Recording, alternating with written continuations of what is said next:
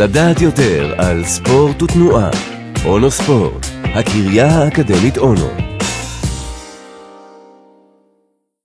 אימוני כוח, כמה צריך להתאמן כדי להיות חזק ורזה?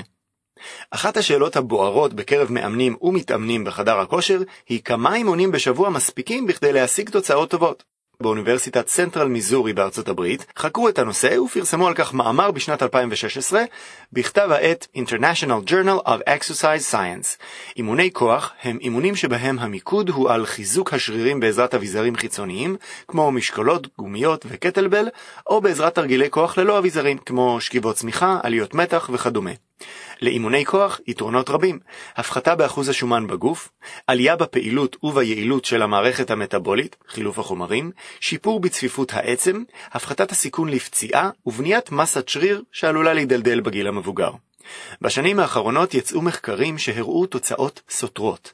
חלקם הצביעו על כך שמספר אימוני כוח גדול יותר בשבוע הוא הכרחי, והתוצאות הן טובות יותר באופן משמעותי מאימון כוח אחד בשבוע, לעומת מחקרים שהראו שאימון כוח אחד בשבוע מספיק. כדי לבדוק האם אכן יש הבדל, החוקרים חילקו 19 מתאמנים לשתי קבוצות.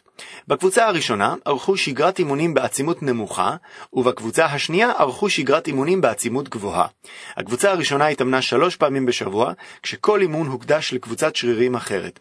יום אחד הוקדש לשרירי החזה והכתפיים, ויום אחר הוקדש לשרירי הגב והיד הקדמית, ויום נוסף לשרירי הרגליים והבטן. הקבוצה השנייה התאמנה שלוש פעמים בשבוע גם כן, אבל בכל יום עבדה על כל השרירים בגוף במקביל, ידיים, רגליים וגב. הממצאים המעניינים הראו שלאחר שמונה שבועות, השינויים באחוזי השומן היו זהים בין שתי הקבוצות.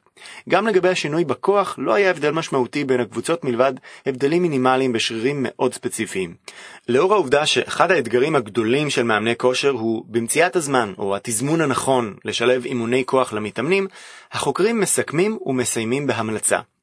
כדי לבנות תוכנית אימון מושלמת, כדאי לקחת את שני סוגי האימון, אימונים בעצימות גבוהה ונמוכה, ולשלב אותם בצורה כזו שתתאים למתאמן. הרי בסופו של דבר הוא ייהנה מירידה במשקל ובעלייה בכוח בכל דרך שיבחר.